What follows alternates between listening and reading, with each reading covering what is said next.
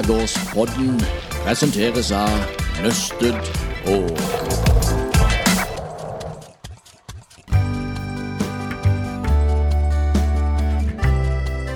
Skjærgårdspodden med Thomsen og Loland.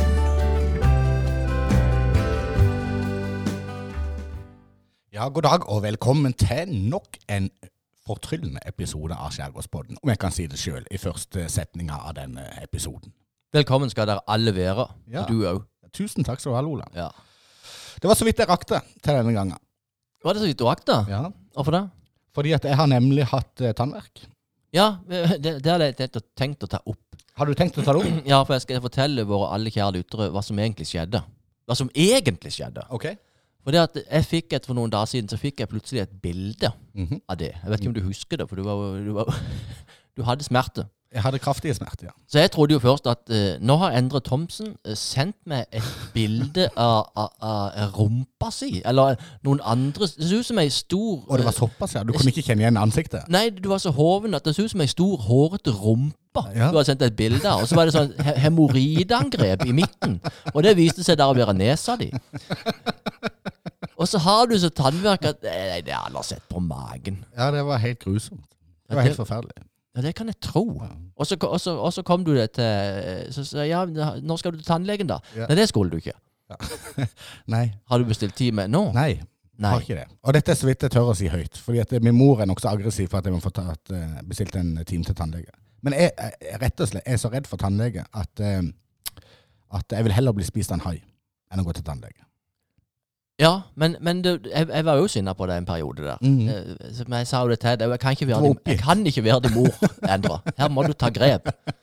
Ja. Og, nei, altså, Men nå har da, eh, den verken gått eh, vekk.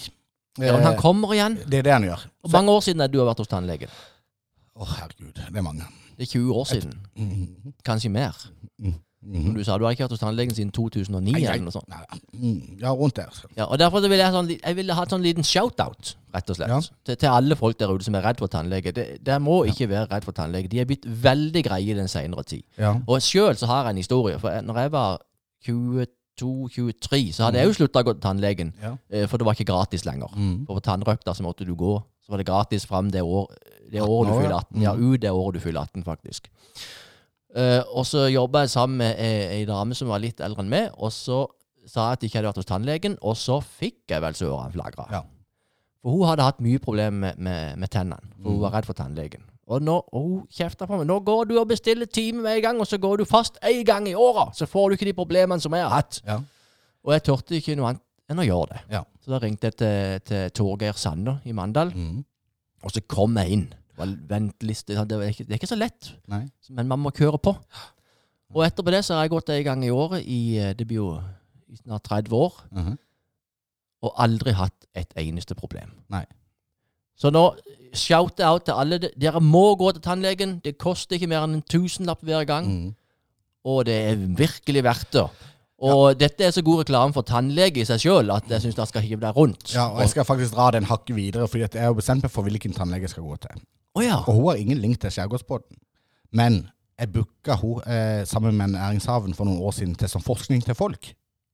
Som de har arrangert på Sjøboden. Eh, og det tror jeg de holder på med ennå. Forskning til folk. Forskning til folk. Et nydelig konsept hvor forskere kommer til puben og forteller om sin forskning. Og så ja. sitter publikum over et glass og får høre denne doktoravhandlinga de har hatt.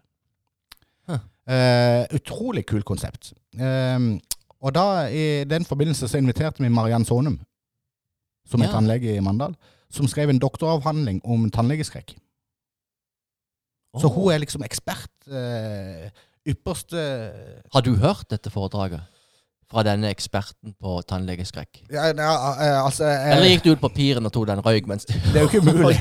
Det er ikke mulig at jeg gjorde det. Eh, For det var klart at det er jo ikke noe sånn Det var ikke et type foredrag hvor jeg sitter sånn euforisk og nikker og jeg applauderer. Og, eh, for dette, det bare tannlege, At en tannlege er i lokalet, gjør meg litt sånn utilpass. Så det kan godt være at jeg befant meg på papiret under selve foredraget. Men jeg har tenkt på det mange ganger etterpå at hvis det er noen jeg skal gå til, så må det jo være hun. Som har skrevet doktoravhandling om dette her. Ja, hun hadde jo behandla det som smør. Ja, hun hadde det. Det er ikke noe å være redd for. Og nå fikk jeg tekstmelding av eh, min mor til morgenen. Hvordan er det i dag? Eh, og da skriver jeg tommel opp, ingen verk. Og så venter, venter jeg bare på oppfølgingsspørsmålet. Ja, men har du bestilt time?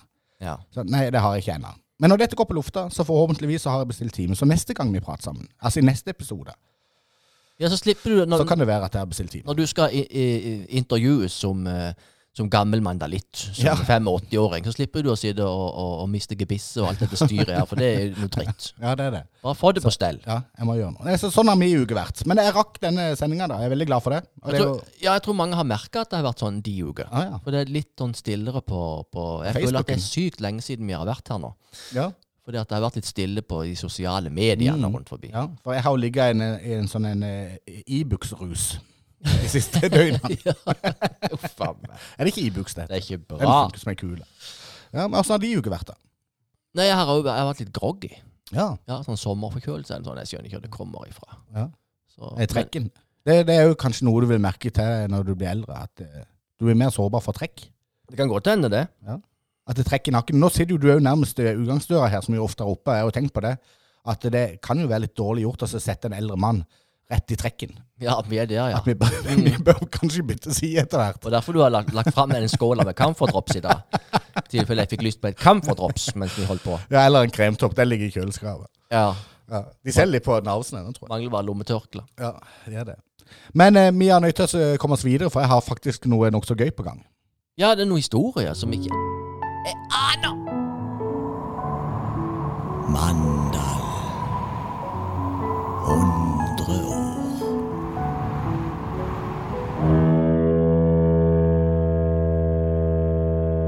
Ja, det er helt riktig, Loland. Det er en historie som ikke du aner konturene av. Nei, for nå har du sittet her og forberedt deg, og jeg har jo holdt på med diverse filmer, og for vi har vært så gira i dag, vet du. For det, vi blir jo kontakta av folk som har lyst til å være med og bidra til, til, til oss. Ja. Til Skjærgården kultursenter og Skjærgårdspodden og alt. Og, og alt! Vi må jo sende de sånn Ja, men sånn kan det bli hvis dere blir med. Også. de vil jo gjerne ha en, en, en inngangsport da, for å være med og, og, være en del av gjengen, og åpninger og alt det. Ja, apropos åpning, Nøsted òg var jo òg Ja, Så nå kjører vi bare en ny drøs midt i historien her. Etter ja, det, Ja, men det er greit. bryr meg ikke om det, vet Nei. du. Vi, vi, så lenge vi holder den røde tråden. Ja, ja, ja vi hadde åpningsfest. Vi, Vi hadde, ja, vi hadde åpningsfest. Og da var jo, eh, fikk jo du tilbakemeldinger fra folk i Blant annet fra Nøsted, som er en av de. Ja. Og de var, jo, de var jo veldig fornøyd. Ja. Ja, ja, ja. Og det var jo veldig gøy òg. Du, var- du var litt skeptisk i, i forkant av dette møtet. Jeg var jo livredd for dette. Ja. Hvorfor Men- var du redd for det? Nei, for, jeg har prestasjonsangst. prestasjonsangst. Hva kan vi tilby disse menneskene, oss enkle folk? Ja. Og hjelp. Så Og hva er det ikke vi kan tilby? Jeg ga jo Nei, det er jo ingenting, Jeg, Nei, jeg skjønte ingenting. jo det. Ja. Så jeg la jo alt på dine skuldre. Ja. Og du gjorde jo en glimrende jobb, Endre, med å presentere hva vi holder på med, hva vi gjør for vår sponsor. Ja, tusen takk. Men det som jeg virkelig føler løfter hele dette arrangementet, det var jo disse to utenfra som vi har knytta til oss i Skjærgården Ja, de må hedres over De må en det. høy sko. Altså husorkesteret vårt, enmannshusorkesteret med Tor Helge Lø, eh, Løseth mm. på trompet, som eh, spilte inn maten. Han spilte inn eh, Huslegen. huslegen, og huslegen vår, dr. Lindland, han var jo den som presenterte, altså som på en måte erklærte Skjærgården kultursenter for å åpne. Ja, han Med en tok egen tale. fødselen, rett og slett. Han tok fødselen. Men dette kan jo folk se. For, Dette ligger på eh, Facebook. Vi har jo filma litt. Det er jo, ikke, det er jo bare sånn i hytt og pine-filming, men det ligger en flott film ute, Ja. eh, så man kan se hele åpninga og, og Stians tale i sin helhet. Det er helt korrekt. Ja. Ja. Eh, og dagens presentører av Skjærgårdsbåten de var selvfølgelig til stede. De er jo pro Skjærgården kultursenter og Skjærgårdsbåten. Nøsted òg, som de Ja. heter nå. Ja. Eh, men la oss komme oss til historien. ja, historien, ja. Ja, den, ja. For jeg satt og bladde litt til morgenen i dag, og så var det jo en del av historien som eh, appellerte litt spesielt til meg. da. Og det kan godt være at det er pga. den eh, fartstida jeg har i utelivsbransjen i Mandal, men det handler om alkohol. Oh, ja. Og det vi vet fra før i tida Vi var jo ute og besøkte Kleven, som mange så på Facebook. Det ligger jo en nydelig film fra Kleven der. Mm. Og der omtalte vi jo noen av disse gledeshusene og pubene som lå der på 1500-1600-tallet. ja. Eh, men det som ikke eh, vi har gått så veldig inn på, det er hvordan alkoholen har stått i mandag. For den sto jo veldig sterkt for mange hundre år siden. Eh, og så kom vi fram til 1871. Så mente altså staten at nei, nå er det for mye hjemmebrent, og det er for mye salg på hjørnene og på, i private hjem og alt som er greier, så vi må få regulert dette. Ja, ja, ja. Men det var, kan jeg få lov å si at det er jo litt artig at de skal få regulert dette. For, for den tida der, så hvis du var bonde, så var det jo et statskrav at du produserte øl. Ja. Mm. Men, Interessant. men Ola. så skal de trekke det tilbake igjen. Ja. Og dette er før Vinmonopolet. Uh, Vinmonopolet Det var du som nevnte det her for en stund siden. Det ble etablert i 1922, var ikke det òg 100 år? De har òg 100-årsjubileum, ja. Men vi skal tilbake til 1871. For da kom det nemlig en lov. Uh, som uh, er loven om brennevinssamlaget av 1871. Kristiansand heiv seg fort på den, og det var en lov om at det skulle bli regulert salg gjennom utsalgsstedet og skjenkestedet. Og Hva var det du sa det het? da? Brennevinssamlaget. Det det heter først, ja. Eh, og da var det sånn at eh, Kristiansand heiv seg veldig kjapt på her, og så adopterte Mandal dette noen få år senere. Så i 1874 så kom denne loven og tredde i kraft i Mandal. Og da var det sånn at det var to eh, skjenkestuer som fikk lov til å servere eh, alkohol, og de befant seg i klokkeområdet 6. Det er jo der med gamle eh, Viking Video der, med Mix. eh, Ja. Mm. Og det var et hus som de kjøpte til det formålet om å skjenke. Og da fikk de lov til å skjenke til åtte på, på kvelden. Men det var òg et annet hus. Så det var ikke bare et, nå mistet jeg tråden, det var ikke bare et utsalg. Nei, dette var ei Det var skjenkestue. òg skjenkestue, ei skjenkestue. Ja, dette var ei skjenkestue, og, og de leide òg et hus i Store Elvegade 25 eh, til å skjenke. Og så fikk de lov til å skjenke til klokka åtte, men siste skjenk skulle foregå klokka seks. Så det var noen sånne regler knytta til dette. da. Eh, og så I tillegg til det så hadde de utsalg. Eh, men det de måtte eh, gjøre da, eh, for eh, å få lov til å drive på med dette, her, det var at overskuddet skulle gå til veldedig formål. Eller ikke til veldedig formål, det skulle gå til liksom all, allmennyttige formål Oh. i Mandal. Og dette gikk jo så det suste, ikke sant? for de fikk jo vekk alt dette private salget av brennevin og alt dette her, og så gikk det gjennom, regulert inn i noe, de førte på noen avgifter og litt sånne greier. Og deriblant 30 000. Det var mye penger i 1874. Det gikk uavkorta til å kjøpe Førlunden, Sier du til å overta Førlunden. Eh, og så gikk det 22 400 kroner til etableringa av Mandal sykehus. Og det var penger som kom direkte ifra brennevinsalg. Det visste jeg ikke. Dette var, dette var ny news. Ja, og, og i tillegg til det, så, var det, så kan vi jo nevne eh, eh, Folkebadet, Mandal byselskap, kirka, bedehus, sjømannsskole, allmueskole, eller hva det heter for noe. Alle disse dro nytte av dette brennevinsoverskuddet. Ja, ja. Så disse fikk masse penger. Men det som òg skjedde da, selvfølgelig, når det ble et veldig fokus på dette her, det var at disse her eh, pietistiske samfunnet ble vekka til live. Jeg tror de likte bedre at det ble undergrunnssalg. Ja, At det ble holdt skjult. Ja, for da gjelder det på en måte ikke. Mm. Men nå ble jo avholdspartiet etablert, midt i denne perioden. Og de kjempa for én en eneste sak, og det var en tørrlagt by. Jeg minner meg om det der eh, politiske partiet på Vestlandet. Så det er rundkjø... Nei, eh, Bompe bompengepartiet. Bom, bompenge... Vi har bare én sak. Ja, ja. ja. Eh, på sikt så er det ikke sikkert det er så levedyktig, hvis ikke de får andre saker. Men, eh, og dette her med tørrlagt by, det, det er jo, det er jo nokså naiv. Nokså, med tanke på hva som skjedde i Klevene gjennom flere hundre år, ja, så skal man plutselig bli en tørrlagt by. Apropos Kleven. Eh, jeg mener ikke å avbryte det. Nei, vi, hadde jo et, vi hadde jo et fantastisk intervju med Herman Lunde i, i sjøboden hans Ja. i Kleven. Eh, og, og da eh, snakka vi litt om dette. Mm. Eh, det ligger ute, til må dere inn og høre på. Skjærgårdspraten med, med Herman Lunde. Ja. Eh, og da spør jo du han òg om åssen det var med alle pubene i Kleven den gangen. Mm. Men eh, han var jo 94 år, han var jo ikke 294 år. det er helt sant. Han ja. sa det! Nei, nei det var i seilskutetida! Ja, men han fortalte òg at han bestilte brennevin fra eh, soveromsvinduet. Noe, sant? Sant? Han, han ropte ut ei bestilling, og så fikk han konjakk i retur. Ja, Og de betalte nokså mye, for dette var jo på 50-tallet. De betalte 100 kroner for ei flaske. det var, ja, det var Kolossalt dyrt, egentlig. Ja, ja, ja. Men det var edel dråpe, da. Eh, men dette avholdspartiet da, de fikk jo gjennomslag på en måte. For eh, i 1910 så var det slutt for eh, samvirke Brennevinssamlaget. Eh, og da ble det eh, omdannet litt, så dette det ble et ølsamlag. Ikke sant? De fikk dratt det litt eh, grann ned på jorda. Men det var en interessant fyr som ikke helt har funnet ut av hva dreiv med. Men han skrev iallfall en historikk knytta til dette samlaget. Og han heter Stevelin. Veldig kult navn. Stevelin. Stevelin Urdal. Eh, og, han, og han hadde noen sterke meninger om, eh, eh, om eh, at dette samlaget hadde funka til sin eh, hensikt. Og han sa, eh, han skrev, jeg nærer heller ikke tvil om at Mandals sannhetskjærlige og tenkende menn og kvinner skal erkjenne at drikkeforholdene etter samlagets opprettelse er betydelig forbedrede. Oh. Så han mente at drikkekulturen hadde fått en veldig positiv svung med å regulere det på den måten. Men eh, det ble allikevel eh, eh, oppløst. Eh, og så klarte de ikke å oppløse det helt, for de måtte jo kjøpe ut disse her eh, sjappene.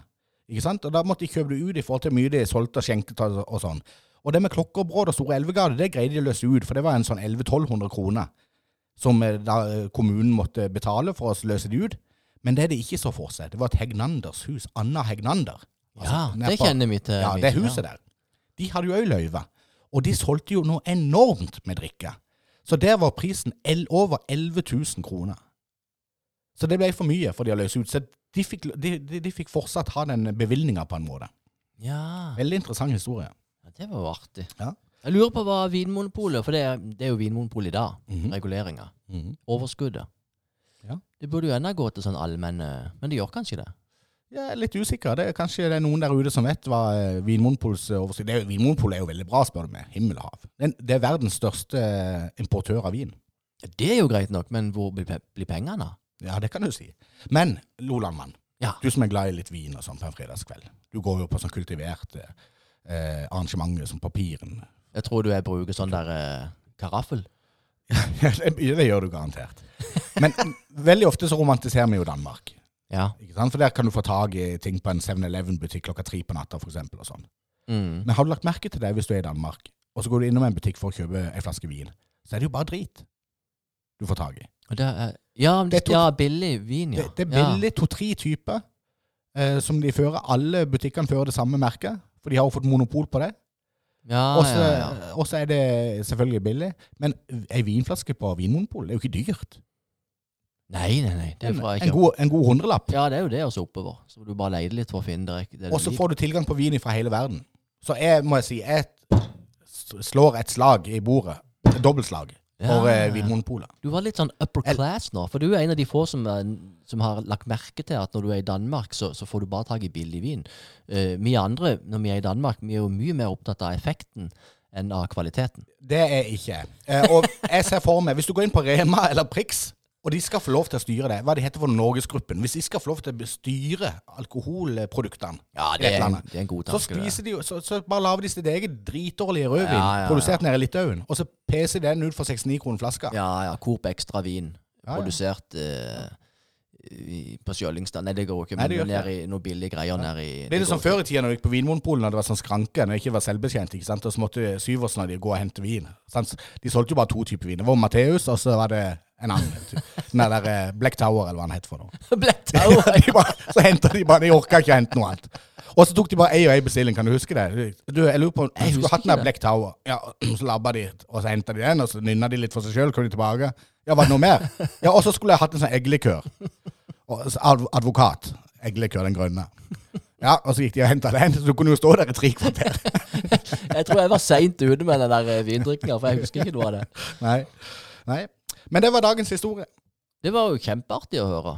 Ja, Og sånn, og sånn dukker det opp historier. Altså hver eneste episode. Hvem kommer som Nei, jeg kan ikke det ordtaket.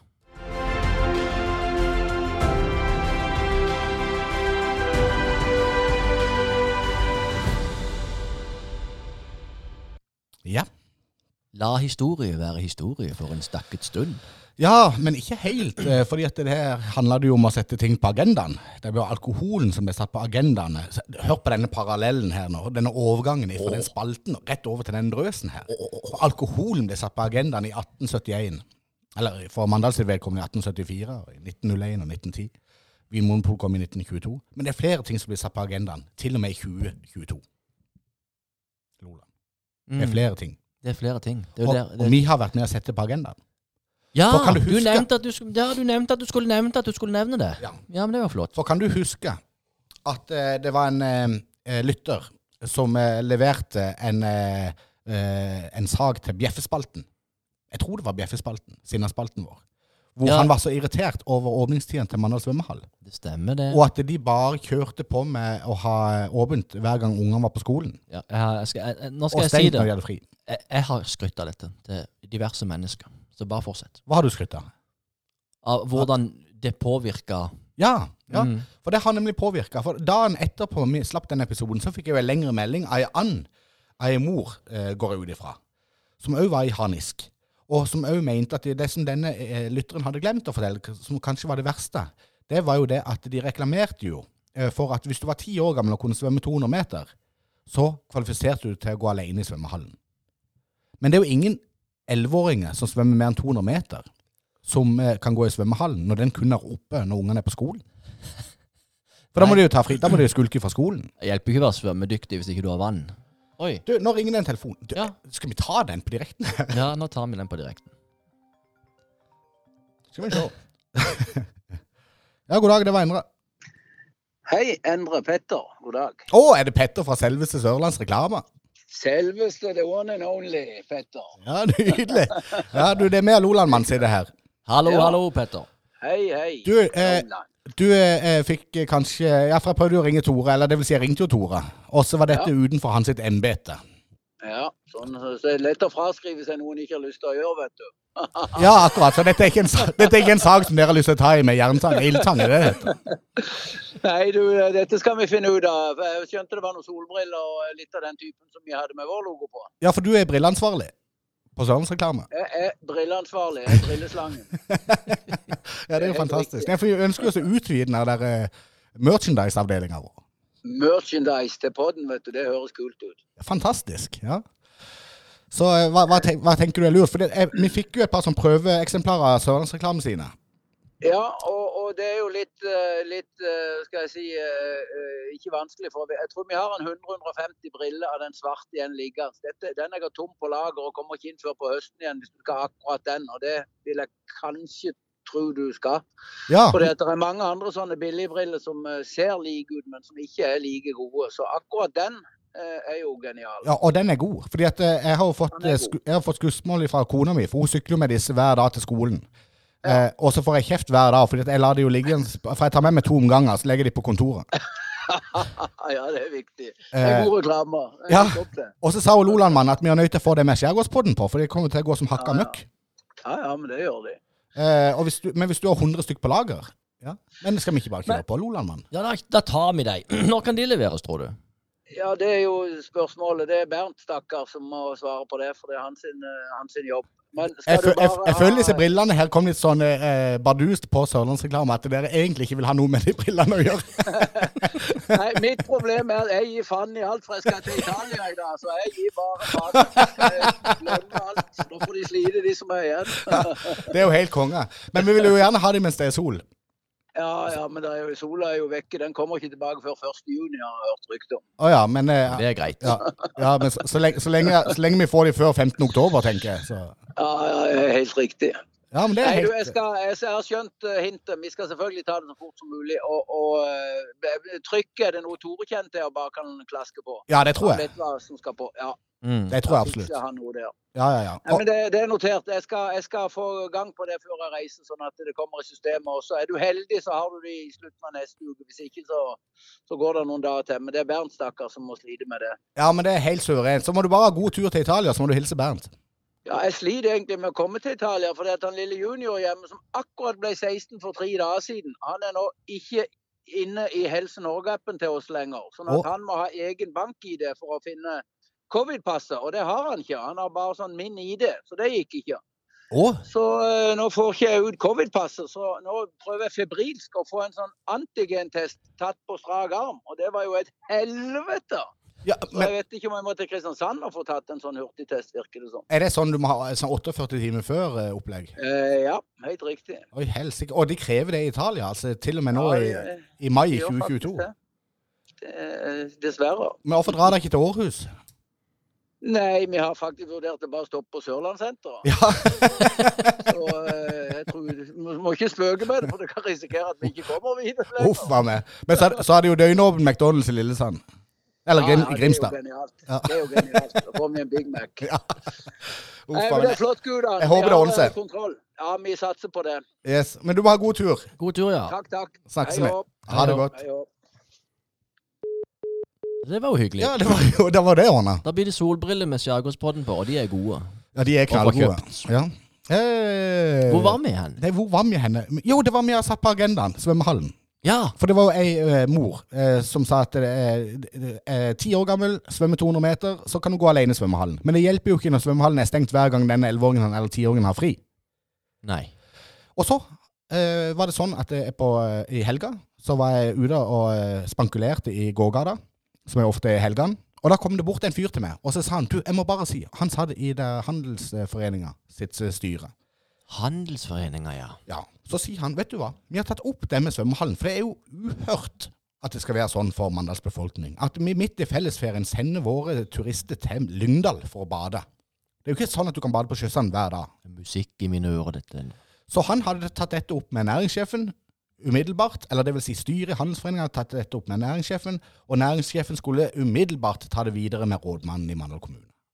Hæ? Snakk om å påvirke. Det er kult. Og det er dette som er så gøy å få med og gå rundt og fortelle folk. Nå skal du høre, nå, nå blir det ordning på ting, for vi tok det opp i poden. Så denne saken her har vi selvfølgelig tenkt å følge opp.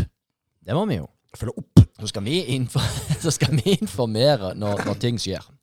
Jeg kjenner at jeg har fått en sånn ekstra sånn basslyd etter den tannverken. Ja, Det kommer noe sånn basstone innimellom der som ikke har kontroll på. Ja, men det er akkurat som togluren. Det er Ja, fint, det. ja, det er det. Ja. Å sparke fra. Ja. Uh, var, var det mer vi skulle uh, drøse om nå? Nei, det tror jeg ikke. Nå tror jeg vi skal rett og slett gå over til en av de absolutt favorittspaltene vi har i dette programmet. Det er på tide med en gjest. Det er ukas gjest. Mm. Ja da, ja da, ja da. Jeg syns jo at hvis du har sånn en skjærgårdspod, så kan du jo invitere gjester. Noen som har utmerka seg eller noe. Ja, det syns i hvert fall jeg, så.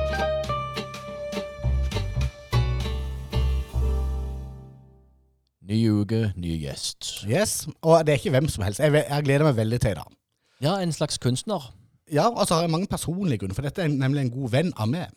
Ja. Eh, og vi har hatt mange fine gjester her, men jeg har hatt svært få som jeg kan kalle for en av mine nærmeste venner. Men det skal vi ha i dag. Og så skal vi lansere dette navnet nå. Dette er et tredelt navn, så her kan vi si det sånn annethvert, og så eh, sammen på ja. etternavnet. Det blir jo veldig greit. Ja, Men, jeg, skal jeg begynne, da? Du begynner.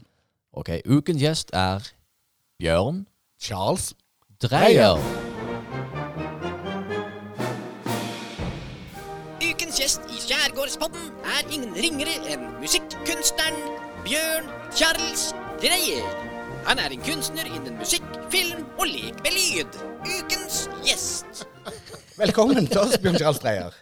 Jeg tenker det må være eh, så, Altså, som en eh, kunstner eh, så tenker jeg det må være eh, utrolig sånn fascinerende å bevitne to Eh, Nydelig. um, umusi umusikalske Nei, nei, nei, tvert om. Veldig musikalske. Jo, men eh, Og eh, tusen takk. Jo, det er utrolig stas å ha deg her i studio. Og så må jeg jo si det at eh, Nå innleder jeg med å si at du er veldig glad i, i Mandal, og du, du, vi skal komme inn på det, for du bruker jo veldig mye av disse lokalitetene rundt dem vi lever i, i din formidling av kunst. Eh, men når man gjør et Google-søk på det, så kommer det nokså kjapt frem at du er jo eh, strengt tatt ikke født i Mandal. Nei? Hakket mer eh, storby, eh, vil jeg si. Ja, Og eksotisk på mange måter. ja, kanskje. Men du er født i New York. Ja. Åssen kom det til? Er Adoptert som liten. Ja. Ja. Og av mine norske foreldre som da dro til USA for å søke lykken, og midtveis i de sitt opphold, så ønska de seg barn. Og så kunne de ikke få barn, og så adopterte de meg. Og så litt seinere på 70-tallet så ble jeg med de hjem på flyttelasset til Mandal. Å ja, så du, ikke bare er du født i New York, men du har levd dine første år Ja, ja, ja. i USA. Ja, ja. Ja. Men Jeg eh, de, eh, dine norske foreldre tok deg med til, til Mandal. ja. Eh, Men eh, er bare ren nysgjerrighet. Har du, har du hatt noen kontakt med dine biologiske foreldre? Det er en helt annen historie igjen. Ja. Kanskje vi skal ta den på en skjærgårdsprat, faktisk. da. Det kan vi godt. Men i korte trekk så, så har jeg det, da. Ja. Men eh, det, var, det var en møysommelig lang prosess Ja. før jeg kom der til. Og dette gjorde du uten Tore på sporet var involvert. ja. Ja. Det har vært mye vitsing om eh, Tore. Ja, det vil jeg tro. det vil jeg tro. Eh, Men du eh, skjønte tidlig at det var Hva titulerer du deg sjøl som? Er du musiker? Er du komponist? Er du kunstner? Er du Ja, ikke sant. Altså, du har- og, det er så dødsens vanskelig det der. Det kan fort bli sinnssykt grandiost og pompøst. Men jeg, eh, har jo alltid vært musiker, og er fremdeles musiker. Og så lager jeg musikk, så da er jeg vel komponist òg, da. Ja, ja, det er du i aller høyeste grad. Iallfall kreativ. Ja, håper det. Kan vi enes om. Jeg håper det. Men skjønte du tidlig at det var musiker du ville bli? Ja, jeg gjorde faktisk det. Ja. Hva var det som inspirerte deg til det? Var det foreldrene? Nei, Nei? det tror jeg ikke. Det var, um, jeg ble så sinnssykt trigga. Jo, eh, jeg husker i hvert fall ehm, Jeg drev med svømming på den tida. Og så hadde jeg prøvd fotball òg, for øvrig. Men Ja. det var jo totalt mislykka. Ja. Svømming var jeg ganske god i. Men så begynte jeg å spille gitar, og bare fikk helt sånn fot. Jeg ble vanvittig trigga av det. Og da var det bare å slutte på svømming fort som Å ja. For da hadde du ikke tid til svømming? nei, Nei. Spilte gitar helt, hele tida. Ja. Men hvor er du oppvokst da i Mandal? På Sånum. For å plassere det. På Sånum, ja. Mm. Der er, der er du ikke nå. Mm, eh, Foreldrene mine bor der fremdeles, og søstera mi bor der. Så jeg er jo stadig og besøker de. Ja, ja, men du, Kanskje ikke altfor ofte. Ifølge de så burde jeg komme oftere, da. Men eh, jeg prøver så godt jeg kan. du bor litt mer bo, bynært nå.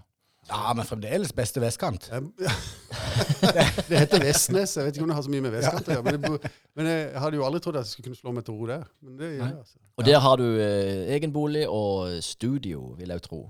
Eller Jeg kaller det arbeidsrom, tenker jeg. arbeidsrom, ja. Ja. Ok. Ja, for å si, Du ville kalt det studio, Loland, hvis du hadde vært og besøkt der. Det, det bør du, det vil jeg bør avlegge et besøk der. Det er et nokså fascinerende arbeidsrom okay. du har bygd her. Et, et avansert arbeidsrom, vil jeg kalle det. For en kreativ person. Ja. Og jeg var, jo, jeg var jo heldig for noen år siden å være med på åpninga av dette arbeidsrommet.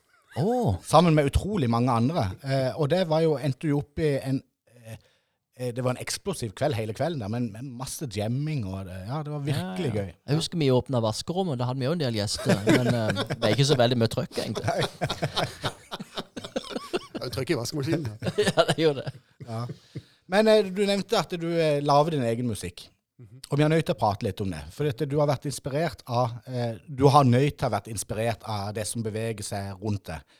Og hadde, du, eh, hadde det vært sånn at tilfeldighetene ville at det var New York som var rundt det. så går jeg ut ifra at du ville blitt inspirert av den atmosfæren. Eh, men eh, så ble det sånn at Mandal ble det stedet du vokste opp. Eh, og så har du lagd noen verker hvor du har tatt i bruk Marna Motor, eh, Vesta Marin. Eh, nå i den senere tid så er det eh, under, og det som har foregått under vann. Altså, hvorfor blir det sånn? Hvorfor blir det sånn? Um, jeg vet ikke. Kanskje i korte trekk at man er lydhør. Og så um, For meg så er musikk så mye mer enn bare liksom, de der elementene av rytme, melodi og harmoni. Men at det kanskje eh, mer Lyden i seg sjøl, da. At det er spennende. Og jeg, synes, jeg har aldri hatt en Marner-motor, men jeg syns lyden av en Marner-motor er veldig fascinerende. Det er jo musikk i seg sjøl å sitte og høre på en sånn. Man, om du sitter oppe i motorkassa og sitter bare nihører, eller om du hører den tøff, tøffe forbi, Ja. du sitter på en holm eller et eller annet sånt, så, så er det musikk i seg sjøl, syns jeg. da. Og, og alle sånn natur- og omgivelseslyd er jo musikk. I hvert fall i mine ører. da. Det er jo musikk i seg sjøl. Det er vel der du skiller deg ut, for mange går ut for å høre lydene. 'Å, lyden av måke, det minner meg om sjø.' Men du tenker mer at 'oi, for en lyd'. Den må jeg spille inn. Den kan jeg bruke til noe. Ja. Eh, men du bruker jo eh, eh, masse andre ting. Og jeg var jo vitne til denne forestillinga, ikke forestillinga, men en film som Ja. ble laget. Vi må prate bitte grann om det. Eh, for tidligere nå i våren, altså vinteren 2022, så ble det sluppet en film. Eh, nå husker ikke jeg navnet på den. Kan du hjelpe meg med den produksjonen ute på Under? Oh, ja. Egentlig, jeg, kort fortalt så er det jo tre musikkvideoer mm. som er laget til soloalbumet mitt, som heter Time and Mass. Ja. Så det er det du sier. Time and Mass, ja. Ja. ja. Og det var en nokså mektig opplevelse. Ja. Eh, og det var litt av en produksjon, for dette, det meste av filminga foregikk under vann. ja. Eh, hvor de blant annet hadde sluppet ned et piano. Mm. Eh, og så så man senere i filmen hvordan eh, tidas preg eh, hadde eh, gått ut over det pianoet. For det ble ikke sluppet ned samme dagen som Nei. Vi slapp det ned i, i Vi visste at vi skulle filme i september, så vi eh, fikk det i sjøen i juli. Tidlig i juli. Og I håp om at det skulle gro til litt. Og, eh, og det skal jeg sannelig si det. Det gjorde det på den korte tida fra juli til september. Så var det nesten ingenting igjen av det pianoet. Så vi- kom ned i grevens tid, for å si det sånn. Ja. Ja, altså, nå blir jeg litt nysgjerrig. Jeg har ikke sett de filmene, men jeg, lå, jeg skal inn og se på Ja. det. Men hvor, hvordan går du fram? Den første telefonen. Du har et piano i hodet ditt, det skal senkes til bunnen på utsida under restauranten. Nå må jeg ringe. Nå ringer jeg til de der som driver med pianodropp ut forbi undervannsrestaurant og AS. Eller, kan du fortelle litt om prosessen til sånn? Ja, det, det, det, var egentlig en, en sånn drodling i sam, samarbeid med eh, Lene Midling Jensen. Og husker jeg ikke feil, så tror jeg var det hun som kom med ideen om å kaste det pianoet på sjøen. Ja. Og Lene Midling Jensen hun er regissør. Ja, hun er regissør, og så en god venn av meg. Så Og Mandals Ane så det holder. Ja, ja, ja. Og så veldig gøy å drodle med. Hun har hun har masse gode ideer. Hun- Apropos kreativ. Oh, yeah. Mm. Så vi satt og drodla, og det var egentlig, hele starten var jo et bilde av Erling Tønnesen. Eh, av en benk som var pælma på, eller en sofa, eller noe sånt, som han hadde tatt bilder. Ja, for, han, for han er medlem av Mandal dykkerklubb. Nemlig. Ja. nemlig. Mm. Og, og det bildet satte i gang noen eh, ideer da, for meg og Lene. Og, det, og der er det piano. Sånn, så, men så, ja, hvor, så er det jo bare å finne et piano, og det fant vi jo på Finn. ja, det er ikke det dyreste. Nei, det er definitivt ikke det dyreste. De kastes jo etter folk. Så og vi skulle bare ha et, eh, et fint piano som eh, så helt ubrukt ut. Og så fikk vi det på sjøen med hjelp av Mandal dykkerklubb, som uh, var veldig, veldig hjelpsomme. Det er jo ikke så lett å få et piano på sjøen sånn uten videre. Og det var ganske, det var ganske vilt fordi de, f- de, det sank jo ikke av seg sjøl heller. De måtte Nei. jo Nei, det, det var helt altså, Det det jo det er jo bygd i tre. ja, de, altså, men det veier jo 200 kilo, og det er jo sinnssykt mye stål og alt det der. Og så allikevel skulle det ikke synke. Så eh, Erling og de jobba som eh, Ja, for å få det der til bunns. Men det klarte de Ja, ja, ja. definitivt. Omsider. Ja. Men var ideen at du skal sitte og spille på dette? her? Nei, nei, nei, nei, selvfølgelig ikke. Det blir for overtydelig. Så jeg kan jo ikke spille piano for øvrig. Nei, men At noen skulle sitte foran det under vann, liksom. Det, det var ikke så avansert. Nei, men vi, uh, Da hadde Lene en idé om at vi kunne ha to dansere til å danse rundt pianoet. Og, Ja. og det er ikke så mange dansere som kan å dykke, så da må vi finne noen som kan å dykke først og fremst. Ja. Og det gjorde de jo i aller høyeste grad. Ja, ja, jeg fant jo norgesmesteren i fridykking, og så en kollega av henne, Ja. Og som er veldig dreven fridykker. Og så flott eh, altså, som, ja, litt sånn, eh, hva skal jeg si, sånn majestetiske figurer, eh, sånn, som om, om ikke de er rene dansere som kommer fra balletthøgskolen, så ble det allikevel en dans i seg sjøl, den dykkinga som de gjorde. Ja, det var rytmisk og harmonisk Mm, og ja, ja. alt det som eh. Og da spiller dere inne på restaurant under eh, til eh, disse danserne. da. Nokså mektig, så jeg vil jo anbefale alle som stikker innom og se på Time and Mess på U2B. Ja. Er det et nytt album, dette, eller er det et Det kom i fjor. Det kom i fjor, ja. Men du har vært aktuell eh, på andre områder òg. Vi sitter jo nå, eh, selv om denne podkasten er jo eh, eh, tidløs, eh, så sitter vi og spiller inn denne i mai 2022. Og eh, vinteren, våren 2022, så har du hatt en nokså markant rolle inne på Kilden i Kristiansand. Som jeg ble vitne til sjøl. Eh, og det var òg en mektig opplevelse. Det har du nevnt faktisk i et par episoder. Har jeg det, ja? Mm. ja. Og det var rett og slett Og det er jo ikke så ofte jeg er på teater. Det har nok noe med det å gjøre. Jeg var nokså kry. For jeg føler meg nokså voksen, for jeg kan si jeg har vært på teater. Og da var jeg og så forestillinga Heimanfrå, som er en stor eh, satsing. Eh, og, som han, og, og der passer det jo egentlig veldig bra at det var nettopp du, Bjørn Charles, som ble på en måte ledende komponist eh, for hele dette teaterstykket. I og med at du er født i New York. For mye av den forestillinga handler jo om eh, utvandringa fra eh, Farsund-lista og området der, og så til USA. Du må fortelle litt om det. Eh, hvordan det var å, å spille og være med på en sånn en stor greie, for det var mange forestillinger. Ja, eh, det var det.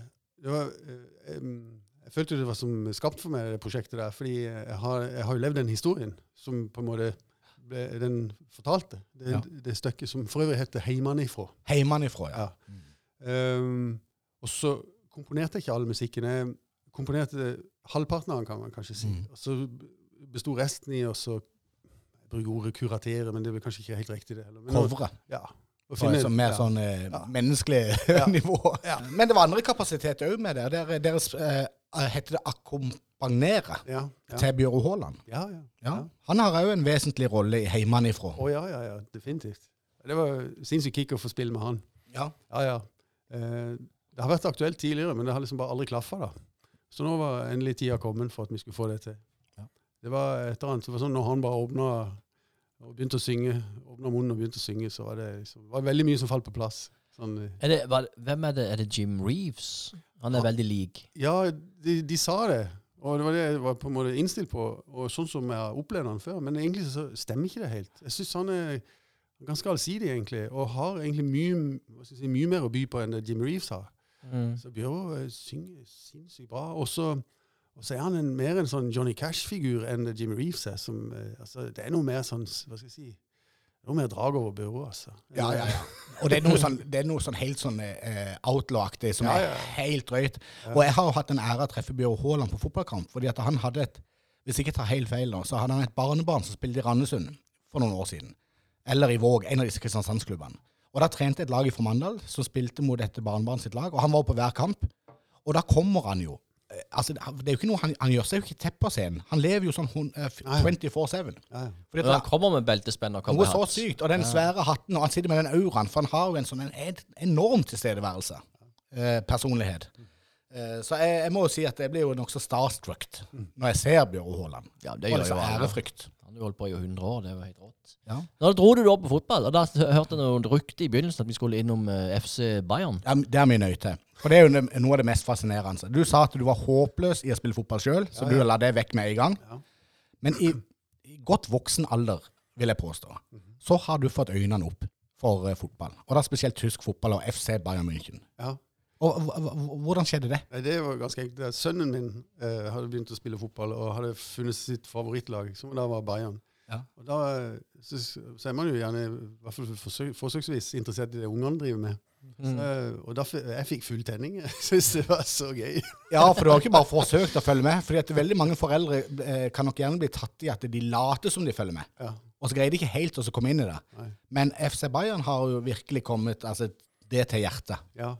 Men eh, så får jeg kanskje bare sitere sønnen min, men han sier jo det fortsatt at jeg har jo faen ikke peiling på fotball. så, men jeg har så sinnssykt stor glede av det. Altså. Ja. Og du og sønnen din har jo vært eh, i Bayern et par ganger. Ja. Nede, Eller i München, da. ja, i München. Og på Allianz. Allianz Arena. Ja, ja, ja, ja. Og kikka på Bayern München. Og kikka på ungdomslagen til Bayern Ja, München. Hvordan opplevelse var det første gangen? Nei, det var helt det var, Jeg vet ikke hvilke ord jeg skal bruke, men for meg var det helt sinnssykt stort. Ja. Men tenker du at dette skulle jeg ha oppdaga før? ja. Ja. så det er, gjort- det er gitt deg såpass stor glede. Ja, ja, ja. Ja. Altså, ja, ja. Altså, det er jo aldri for seint, men det, det skulle absolutt ha kommet tidligere. Det, Ja. Og jeg forstår godt at folk jeg, kan like fotball, og at det kan bli en religion. Og jeg ser alt det der. Ja, ja, ja. ja. Og jeg får stadig vekk noen sånne bildemeldinger hvor du liksom finner fra Twitter eller fra Instagram. eh, Ja. For jeg skjønner jo at du, du har sånn push-varsling når Bayern München sender ut et eller annet. Ja. Og det er spesielt hvis det har vært litt sånn at Lewandowski gjør det bedre enn eh, Haaland, f.eks. Det har jo vært de siste årene. Nå går jo Haaland til City, det er bekrefta. Og på en måte så må det være litt godt. Selv om jeg hadde jo egentlig hatt lite håp om han skulle gå til Bayern München. Å, ja. og, og bli den der nye Lewandowski Ja, ja, som ja. gikk fra Dortmund til Bayern München. Og, ja, for det har jo begynt å ryktes nå også. Hva, med Lewandowski? Skal han av sted, eller blir han? ja. Og, men jeg tror aldri det har vært aktuelt at Haaland skulle til Bayern. Nei. Jeg tror de avmystifiserte det ganske kjapt, altså. Ja da, og de, de har vel en helt annen profil, sånn lønningsprofil og alt mulig sånn. Ja. Men, men blir ikke spranget nå ned til de andre lagene enda større? Det kan, det kan vel bli. For jeg tenker, Er Dortmund uten Haaland? Ja, ja. Det blir, hva blir det, liksom? Nei. Ja. Eh, og Bayern München Men gratulerer. bare de- bra for oss, altså. Ja, ja, ja. Og sant, Kall det for oss. Da har du kommet nokså langt i det fotball. Det er akkurat som Liverpool-supporterne. Det er liksom, Vi gjør det bra for tida. Og hvis det går dårlig, så er det de. Det er det kun de. Ja, å ja. Da distanserer det seg Men, nei, Og de, de er elendige for tida. nei, det vil jeg ikke si. Nei, du er, det er mi Nei, Ja, det er mi uansett. Ja, ja, ja. ja for, for dette det er jo noen ganger at det, du, du, for du har evne til å bli litt deppa òg hvis, hvis de gjør det dårlig. Ja, for det, og det er jo heldigvis ikke så ofte, da. Men, eh, men det, det skjer jo. Og det er jo faktisk helt ubegripelig da, når det skjer. Ja. Men det, når, du, når du blir så glad i fotball i en alder av 50, er det vanskelig? Er det så, sånn som med offside-regler og sånn? Ja. Tenk, for det tenker Cornelius, din sønn, Ja, ja. kan frustrere seg litt over. ja, men jeg strever jo enda med å forstå det ordentlig. Da. Ja. Og jeg syns det er enda verre å forstå det når det er liksom snakk om én meter foran mål og sånn. Ja. Da, da er jo marginene så sinnssyke at det, jeg kan ikke begripe at det er mulig å måle det i det hele tatt. Hvordan, hvordan går det an? liksom? Men du har fått litt hjelp av VAR-systemet, for de har Ja, ja, blitt en sånn iallfall ikke hjelp av sønnen min. Det kan jeg si. Han gidder ikke hjelpe med det. Nei, det er helt nydelig. Nei, jeg, jeg skjønner jo her, Loland, at vi er nødt til oss få for Bjørn Charles Dreyer inn til en skjærgårdsprat. For vi har Absolutt. mye å prate om. Men nå løper tida ifra oss. så Men vi må- fikk jo skrapt litt i overflaten. vi fikk skrapt Ja. mye i overflaten, og så skal vi gjøre et ordentlig dypdykk senere. Og det håper jeg virkelig du kommer tilbake til, Bjørn Charles. Gjerne det. Gjerne. Så vi bare si eh, tusen hjertelig takk for at eh, du, eh, du kom, I like måte. og så gleder vi allerede til neste gang. Yes. Ha det bra.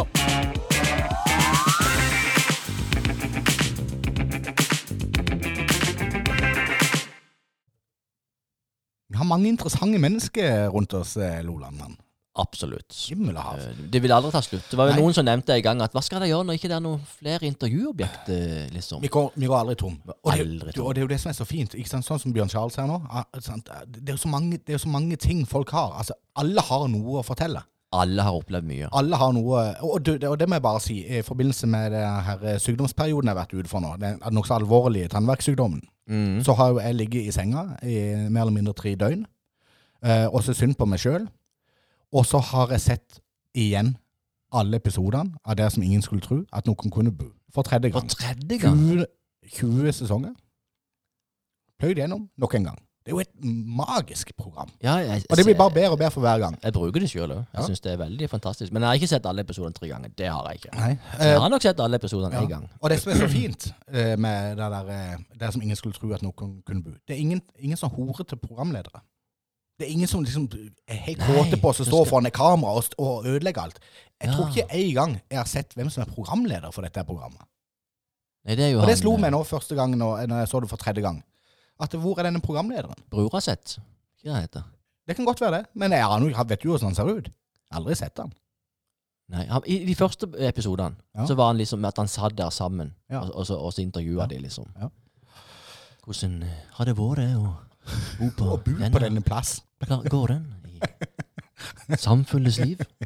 Ja, det Ja. er fin fyr. Men jeg vil bare anbefale det til alle våre lyttere. Altså, Kom dere inn på NRK-appen. Kutt ut de der, der, eh, eh, de der tøsete eh, strømlinjetjenestene som bare er sånn zapp, zapp, zapp, zapp, zapp, zapp, zapp, zapp, zapp. Ja, ja, ja. ja, Og så kom dere inn på noe estetisk nydelig. Ja, absolutt. Apropos sakte fart. Mm. Mhm. eh, Mandal Motorbåtforening fylte 100 år Ja. i fjor. Utsatte feiringa til i år. Akkurat som Mandal kommune. Var de òg i 1921, altså? Ja. Ja. Må være litt forsiktig nå, men jeg mente på at det ble, det ble utsatt. Skulle egentlig vært feira i fjor. Ja. Så, og der fikk jeg lov til å være gjest. Apropos gjest. Og det var, det var veldig gøy. gjest, du var ikke bare gjest. Nei, altså konferansier, da. du var jo plattforma i selve arrangementet. Ja, det var da voldsomt. Men jeg fikk lov å være konferansier. Fikk Ja. lov å være med på hele festen. Og Mhm. det, var Men var det du, eller var Jan Lengervik? vi, vi, det var mest meg. Nei, mest Jan. Det var mest Jan. Ja. ja, For du har vært veldig tydelig på meg når jeg går og snakker med deg om Jan Lengervik, så er du veldig på å prate om han i tredje person. For du Ja. distanserer deg jo veldig fra han som person. Ja, ja, ja. Det er jo en helt annen person. Det, det er det. Det er rart, det der. Mhm. Når jeg tar på meg de brillene Jeg kan være nervøs foran en konsert, men når jeg tar på meg lua og brillene, så er jeg ikke nervøs lenger. For da er du ikke med. Nei, for da er det Jan lenger. Ja, han gir jo fullstendig blaffen. Ja. så forteller han en gøy historie om at uh, han ble jo ringt ut på Mannfjorden Mhm. fra Sonum, og så sa de at uh, 'Fenderen, Jan! Fenderen henger ute! Du må finne fenderen!' Ja. Apropos den filmen som ligger ute nå, ikke Ja, sant? Nils Reidar. Nils Reidar. Ja, ja. Og så, så snur Jan seg, så ser han at han, det, det er jo bare kjerringa som sitter toppløs. Og lufta beverhalene. Ja, lufta beverhalene, og sånn lirer han av seg, vet du. Og så, Og det, så blir det, det god stemning. Men her var vi 90 mennesker. og det kommer Jan Lengervik unna med. Men Jon Erik Loland han hadde ikke kommet unna med Jeg det. kunne ikke sagt det. Du kunne ikke kommet hjem til Linda, og så hadde du sagt noe sånt. Men Jan Lengervik han kan si det. Han kan si det, vet du. Ja. Men denne foreninga da eh, har jo grusomt mange medlemmer. Det var 90 stykk som var til stede på Treggen marine og feira 100-årsjubileum. Og vi fikk masse deilig historie fra motorbåtforeninga. Eh, blant annet på veggen så hang det, hadde de skrevet ut eh, ifra, ifra heter det sånn bok de skriver i på årsmøtene? Å ja, sånn referat, protokoll. Ja, protokollen. Mhm. i, fra 1945, når krigen var over. Ja. Så sto det liksom med håndskrift 'Endelig, krigen er over'. Yes. Det var utrolig sånn det er histor sterkt. historisk svung over det hele. Ja. altså. Når du ser de originale eh, skriftene, ikke sant. Og Einar Danielsen, som er jo en sagnomsust uh, skjærgårdpodden-lytter, Ja, han er ambassadør. følger oss veldig. Han hadde jo Han, han er akkurat som det. Mm. Alt kom, eh, eh, han skulle, skulle Nå er det tid for Einar Danielsen, bla, bla, bla. Så tok han velkommen opp og skulle fortelle litt historier, og så kom han bare opp. Hvor er boka di? Hvor er, hvor er Manus. manuset ditt? Mhm. Nei, nei, nei. Og han bare druser løs. Han tok det på gefühlen. Med alle disse som har vært ledere, med alle disse som har gjort, fiksa den viga der, og hvem som støypte den viga der. Og, altså, helt utrolig. Vi må få han inn her, Ja, tror jeg. Hvis jeg skulle ha delt ut en sånn en eh, pris, en positivitetspris i dag, så tror jeg jeg ville gitt den til Einar Danielsen. Han ville vært blant de første som fikk eh, positivitetsprisen. Ja, absolutt. Han er 100% positiv. Så han fikk en blomst da som takk for eh, alt det han har gjort. Ja, det skulle da bare mangle. Og så tok han bilde av seg sjøl sammen med denne blomsten, øh, og så la ut uten noe tekst på. Jo, jo nettopp Ja. en selfie av han og blomsten. Ja, så jeg skrev til han på Facebook Hva er dette, Einar? Er det konfirmasjonsbilder? Forsinka? Er det et bryllup du er i? Jeg aner ikke hva dette her er. Han ville ikke gi seg sjøl noe særlig Nei, for han ville ikke skrive altså, Nei, at han hadde fått blomst. Ja, Men da fikk jeg svaret at uh, han måtte bare ta noen bilder med, sammen med seg sjøl og, og denne blomsten. Han, han, Ta noen bilder sammen med seg sjøl. ja, det er nydelig. Men da, da fikk vi iallfall fram en tekst hvor det sto at uh, han har gjort en hederlig Ja, innsats. fantastisk. Men hele motorbåtforeninga, det, eh, det er jo et tøft opplegg. Og det er jo så skjærgård som det går an å få blitt. Ja, ja, jo, Kanskje vi burde få oss en sånn en eh, live-tur. Altså, kanskje vi burde ha sånn utendørssending til sommeren nå. Sammen med Mandal Motorbåtforening. Hvor vi får tak i en Danielsen et par av dem. Så, så kjører vi hele sendinga utendørs, og så har vi Einar som gjest. ja, det er gøy. Hadde ikke det vært stas? De har, de, har, de har faktisk lagd mye mer av det som er i skjærgården i dag, av plasser du kan legge til. Brygge, plattinger, danseplattinger. Området rundt i skjærgården. Mye mer enn man skulle tro har eh, MMF stått for. Men nå er du altså så eh, positiv at vi er nødt til å få jekka deg ned et hakk. Hva i helsike holder du på med?! Hva i helsike holder du på meg?! Du, han er, han er hakket drøyere i tilnærminga av denne jinglensen enn den togluren på en av de andre. Ja, det ene Jeg til kjenner jeg det blir girt opp. Ja, det ene til det andre, som han sa. Vær så god, eh, Ja, Roland. min deilige lille due der du sitter. Litt hoven i det ene kinn. Eh, Sinnaspalt Ja, for nå er, nå er våren kommet. Ja. Nå har disse her syklistene eh, For det, det finnes jo syklister, og så finnes det syklister. Mhm. Og så finnes det de proffe, da. Eh, det er jo de som syns De samles fire-fem, opp til ti, kanskje så mange syklister da, Mhm. som har kjøpt seg utstyr, for de har sett Tour de France på TV. Mm. Og da må man jo ha en sykkel til 40 000, Mm. og, og Litt for trang eh, drakt. og tilhørende tettsittende drakter. Hjelmer, briller, altså det er utstyr. For De sier jo ofte at det er veldig god trening å være syklist og sånn. Nå skal jeg ikke legge meg opp i det, men det er utrolig mange på 100 pluss kilo som drar på seg disse her eh, forferdelige skjortene. Som dekker, går akkurat ned til navlen. Ja, ja, sånn, ja. Og plasserer seg på denne de av et sete. Og tråkker til hovden. Eh, jeg må bruke en time for å få se det ut av Men, men det er greit nok. Jeg syns det er bra at folk sykler og trimmer, og, og at de er glad i utstyr og får seg bra utstyr. og alt sånt. Jeg syns det er kult. Og, og de samles eh, en kompisgjeng, venninnegjeng, eller en Men nå har du vært positiv nok. Kom nå til poeng. Ja, så jeg vil ikke være negativ til at folk trener, men det som er greia, når de kommer ut på veien mm. åh, Så skal de sykle, og da tror de òg at de er på Tour de France. Og, og ligger sånn tre syklister i bredden. Ja ja, to-tre i lengden. Og her er vi et team! Og vi kjører på, og toget dunker løs på E39 mellom Mandal og Lindesnes kommune. Og de tror at de er på et race, så de kan jo ikke svinge av på en bussholdeplass for å stoppe og slippe de der 250 bilene som kjører i kø bak dem. For de tror jo Vi kjører jo her i 47 km i timen! Dere er utrolig ødeleggende for folk som har dårlig tid. Lastebilsjåfører som har timelines, de har hviletidsbestemmelser, privatpersoner som skal hente og plukke opp folk. Her er det 80-70, så må vi kjøre i det. Vi kan ikke ha en gjeng med Jeg skal ikke si noe negativt om dem, for de er ute og sykler vet du, trimmer. Det er veldig positivt. Men Men flytt deg, da! For pokker! Ja, for du, du ber de bare flytte seg. De trenger ikke å ligge syv i bredden. Nei, og de trenger ikke sykle på E39. Nei, de trenger ikke sykle der heller.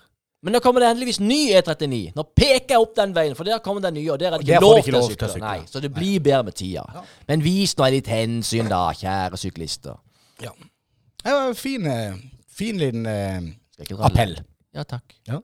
Kraftfull og, og flott. Godt å få det ut, jeg kjenner. Det er deilig. Og du? Nei, du, jeg har jo ikke noe sånn særlig eh, må du gi deg. Jeg fikk Jo. den kjeften forrige gang for at jeg ikke hadde planlagt min sinnaspalte. Nei, jeg har jo ikke det, for jeg har jo ligga Men det, det er greit, jeg kan, jeg kan ta det. Jeg kan ta meg sjøl. Jeg er fly forbanna på meg sjøl. Jeg er møkk lei av Endre Drange Sjøbond Live og Dwang Thomsen. Møkk dritlei. Jeg holdt på å spy av meg sjøl. Fordi at jeg har latt meg ligge, eh, som, som du innleda med, at det så, det så ut som et rumpebilde som jeg hadde sendt til deg, og så var det egentlig en selfie av trynet mitt som var full av betennelse og tannverk. Fordi at jeg kategorisk nekter å avskrive å gå til tannlege. Jeg vil heller bli spist av en hai eller falle utfor et stort stup enn å gå til tannlege. Og det er ikke bra. Nei, det er ikke bra. Nei. Så denne, sinna, denne sinnaspalten i dag går til meg sjøl. Jeg er så forbanna lei av det Endre Drange Thomsen. Og lignende folk. Og lignende folk. Jeg Ikke tenker minst ikke, jeg tenker ikke bare det er deg, Endre. Jeg tenker at det er mange mennesker som har samme problemer. De er redd for tannlegen. Yes. Ja. Nå føler jeg faktisk jeg fikk litt grann ut det der òg. Ja, litt sånn selvpining. Litt sånn selv- Kjefting. Litt sånn selv... Uh, Det sa han sånn der komikeren. Ja. Han der uh, fra Nord-Norge, han som er litt drøy. Han Truls? Nei. Hus- Husker Å oh, ja, han der der, ja. Ja, Ja, han er der. Han, han, er, han er gøy. Ja, Fra. Bodø eller et eller annet sånt. Ja. Tromsø eller Harstad. Han, er- ja, han er, han er kul. Og han, sa, han, var, han ble jo intervjua, for han fikk jo angst. Han fikk jo sceneangst. Mhm. Og det begynte å ødelegge karrieren hans. Mm -hmm. Men jeg fikk fiksa det, sa han. Jeg fikk ordna opp i det. Ja, hva gjorde du da? Jeg ga meg sjøl et jævla hardt spark i ræva og sa nå må du komme deg inn og gjøre jobben din og drite i den angsten. Oi. Og det var det som skulle til? Ja. Så det blir jo litt av det samme som du gjorde nå. Ja, det var litt kult. Ja, ja, Jeg sparka seg sjøl i ræva! Da ble jeg glad. Men dette er jo sinnaspalta! men det kjenner jeg var nok selvskading for meg sjøl òg. Dette gikk inn på meg. Ja. Ja, det er så godt å være du. Ja.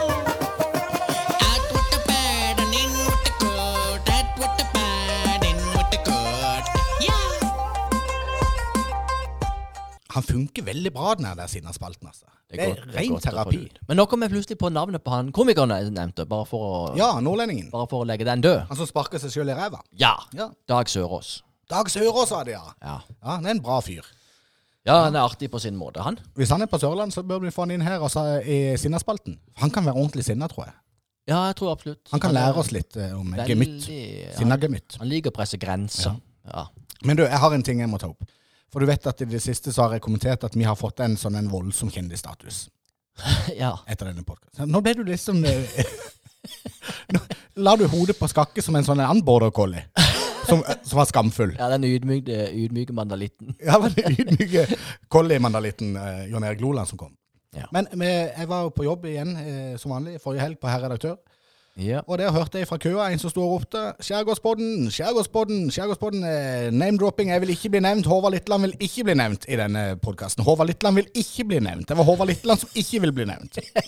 Han var ikke så opptatt av å fortelle om, om selve opplevelsen av podden, mer opptatt av å fortelle at han ikke ville bli name-droppa i Skjærgårdspodden. Helt korrekt. Men jeg tolka det som at han syntes Skjærgårdspodden var positivt, ikke negativt. Ja, ok, ja, ja. Sånn valgte jeg å tolke det. Det kan godt være at det er selvbildet mitt som er blitt noe stort, og det er jo blitt enda større etter denne tannverken som jeg har vært gjennom. Og han gjentok navnet sitt så mange ganger til det at han var sikker på at du skulle huske det, så han det kunne si navnet hans. Og i og med at jeg, jeg husker som en elefant, så han, han hadde ikke trengt å nevne navnet sitt tolv ganger for at jeg skulle huske, Håvard Litland. Ja. Men, han, men, men det han òg kommenterte, han hørte på dette mens han var på jobb. Ja. Han hørte på Skjærgårdsbåten, så han eh, ga oss litt kred for det. Hadde han hørt eh, Han nevnte ikke noe sånn om, eh, om kjønnsfordeling av barn i forhold til hvem som dominerer i, i forhold og sånn? Nei, han gjorde ikke det. Men i forrige episode, for dette har jeg nemlig tenkt å ta opp med deg, Loland. Ja. Fordi at i forrige episode så la du fram din egen forskning, en relativt enkel forskning, Ja. hvor du påsto at eh, den dominerende parten i unnfangelsesøyeblikket definerer kjønnet på barnet. ja. Kanskje ikke akkurat i øyeblikket, men i den perioden. I den fasen. I, ja. Ja, I elskovsfasen. ja, eller i de siste 14 dagene, for en. Det er jo Ja. Men for å for å ta denne forskninga opp et hakk Ja, du drar det jo alltid litt lenger. Jeg, kommer jo bare med enkel forskning her. Så, så Ja, du gjør det, Sånn men- vi, vi må på en måte få en, sånn, en slags eh, closure. Ja. Eh, og i den forbindelse så har jeg nemlig tenkt å ringe vår eh, huslege, eh, dr. Lindland, for å høre hva han tenker om det. Og det er ikke Ja. sikkert. Han er jo en travel mann. Han er jo fastlege. Men eh, vi prøver likevel. Skal vi se om han eh, tar telefonen. For dette, dette har jeg nemlig veldig lyst til å finne ut av. Han har jo akseptert at han er altså. huslege, så Hallo, André. Ja, god dagen, doktor Lindland. Du, der var du jo kjapt. Jeg annonserte just at det kan jo være at du er en travel mann og ikke har tid til å ta telefonen når Skjærgården kultursenter ringer for å få svar på sine spørsmål. Det er jo litt med prioriteringer, da. Så dette der, er- der kommer vi godt gjennom sensuren der, tenker jeg. Ja. det er godt. Takk for sist, forresten. Takk for sist. Det var riktig så trivelig å henge sammen. Det var det absolutt. Det var koselig. Flott tale var det. Ja, og den talen kan folk se på vår Facebook-side. Det var jo dr. Lindland som jeg har annonsert tidligere. Han var jo med og innvie Skjærgården kultursenter. Ja. Med en egen tale. Og den er på lufta nå. Det er bare å gå inn og se på Facebook-sidene våre. Men du, jeg har en sak jeg må ta opp med deg, dr. Lindland. Ja. Fordi at eh, i forrige episode av Skjærgårdspodden så eh, lanserte Du har sikkert hørt det, men da lanserte jo Jon Erik Loland sin, egne, eh, sin egen forskning. Som jeg vil betegne som en relativt enkel forskning. Men han mente da eh, at eh, den dominerende parten i eh, unnfangelsesøyeblikket Eller i den perioden. eller i den fasen, elskovsfasen, den definerer kjønnet på barnet som kommer. Mhm. Og jeg har jo prøvd å google sånn lett. Gjøre noen lette Google-søk. Og det skal jo Loland ha. Dette er jo en unik type forskning. Det er ingen andre som har forska på dette i hele verden. Nei, det, det er jo sant eh, med modifikasjoner. For det er klart, eh, det er jo en del eh, ting, ting som er forska på rundt dette. For her, her vil jo potensielt være en ganske stor industri, da. Med tanke på at det er jo enkelte samfunn hvor man ønsker å preferere da ett kjønn framfor det andre av forskjellige årsaker. Og dette ser vi jo faktisk nå ganske triste tilfeller av, der man nå kan drive med ultralyd kjønnsbestemmelse og selektiv da, abort på det kjønnet man da ikke ønsker å, å bære fram. Så det er klart, her er det masse masse refleksjon man kan gå inn på. Nå skal vi ikke gå i dybden på det, men jeg tenkte bare det var greit å, å nevne det til å begynne med. Ja. Eh, Når det gjelder kjønnsvalg, kan man si, så er det jo sånn at eh, i verden så finnes det 51 eh, menn og 49% jenter. Så det er en statistisk overvekt for å få guttebarn. ja, og det gjenspeiler jo egentlig lytterne av Skjærgårdspodden. Det gjør jo faktisk det, altså. Det er 100% gutter som er selektert ut der, så det er jo veldig spesielt. Eh, Mennesket har jo det som heter Nå blir det kanskje litt teoretisk, men stopp meg hvis det blir kjedelig. Men jeg er nødt til å ha litt sånn kjøtt på det. Det er jo forskning, tross alt. ikke sant? Det er jo ikke noe jokkmokk. Ja, men det er nøyaktig det vi trenger, doktor Linda. Vi trenger kjødd kjøtt på beinet. Faktisk kjøtt. Eh, Mennesket har jo eh, i utgangspunktet det vi kaller for kromosomal kjønnsseleksjon. Det betyr at det er kromosomene som bestemmer hvilket kjønn det er. Men det Loland bringer til bords, da, eller til torgs som det heter, det er jo det om det er andre faktorer som kan overstyre kromosomene i prinsippet. Mm Eh, Kvinnene eh, sender da ut i sin Excel et X-kromosom, og mennene sender ut enten en X eller en Y. Okay. Og Sånn sett så er det jo mennene som bestemmer i prinsippet hva det blir. Hvis det er en X som smeller sammen med X-en, så blir det dame. Er det en X pluss en Y, så blir det en, en gutt. da. Mm -hmm. Så vet vi da at eh, da lages eh, kromosomer, og X-kromosomet er tyngst, Y-kromosomet er lettest. Det er litt relevant dette her, for der kommer litt sånn forskningsbaserte ting inn i dette. Det man vet, og tror man vet, da, og det er forska litt på, det er jo det at eh, X-kromosomet lever lengre enn Y-en. For den er tung, ikke sant? den har masse næring med seg. Var litt enkelt. Y-en er lettere, altså er den raskere. Så det man tenker da, det er at hvis man har eggløsning, så gjelder det jo raskest mulig å komme fram til, til eggceller. Fort. Så hvis man har samleie nær eggløsning, så vinner guttene. For da svømmer de fort fram og tar egget. Oi. Yes. Hvis derimot det er sånn at det ikke er løsninger, eh, cellene må liksom ligge litt utenfor havna og, og, og vente der, de må ligge på været som det heter, ikke sant, og, og ligge der, så, så dør, så, så, så dør ligger de på lett, svai. Men, men ligger på svai, ikke sant. Og svaier, de her tunge jentecellene, de, de svaier litt lengre, og de dør ikke, så de kan da komme til havn når, når stormen eh, legger seg. og eggløsninga har funnet sted. Så Sånn sett kan man si at hvis en da har samleie nær eggløsning, så er det størst sannsynlighet for gutter. Har man det tidligere, så er det størst sannsynlighet for jenter. Det er fortsatt ikke svar på spørsmålet om dominans, men jeg kommer litt inn på dette her. da. Mm. Eh, Når, man snakker dominans, da er det spørsmål til dere først. Hva, hva, vil dominans si i, i deres verden? Nå er jeg spent, Loland. Det er hvem som bestemmer, det er ikke noe verre enn det. Det, det er enkel forskning. Ja, Altså den som ikke er tøffel. Har du ikke hørt det der spørsmålet, Stian? Hvem er det som bestemmer hjemme hos dere? Og svarer du da? da, da ville det blitt fryktelig mange jentebarn som ble født da. Hvis vi snakker om en som faktisk bestemmer, ikke hva vi svarer, for vi svarer jo selvfølgelig at jeg bestemmer ikke, vel? Ja, Det ja, gjør vi jo ikke. Nei. Nei. Eh, men poenget er, der er det, la oss si da, så dominansen handler mer om initiativ, da. Ikke nødvendigvis en slags dominans i en eh, tobokstavs eh, S.M-form vi Mhm. snakker da. Nei, vi snakker mer om bestemmelsen. Og da er det jo klart at hvis man føler man har en medbestemmelsesrett, så øker jo kanskje sannsynligheten for å kunne få en orgasme, går det an å si det? Mhm. Ja. Og man vet det at ved en orgasme så er det mer sånn basisk miljø i slimet som dannes. Ja. Og hvis det er et mer basisk miljø, så vil da eh, guttecellene trives best. Så med andre ord, hvis du da klarer å prestere såpass greit at eh, den eh, meddeltakeren får en orgasme, så øker risikoen, skråstrek sannsynligheten for at du blir gutt. Det du sier nå, er at uh, hvis du får gutter, så er du god i senga. Det er egentlig det du sier. Det er det jeg prøver å si på en veldig fin måte. Takk for at du poengterte det ut, ja. Da Men hvis- da litt eh, Ja, okay. Men hvis du vil ha ei jente, da, sant, så, så lønner det seg å holde seg litt eh, unna på behørig avstand fra selve eggløsninga, og så heller ligge litt på svai og slappe av. Ligge på svai og prestere middels, så blir det jente.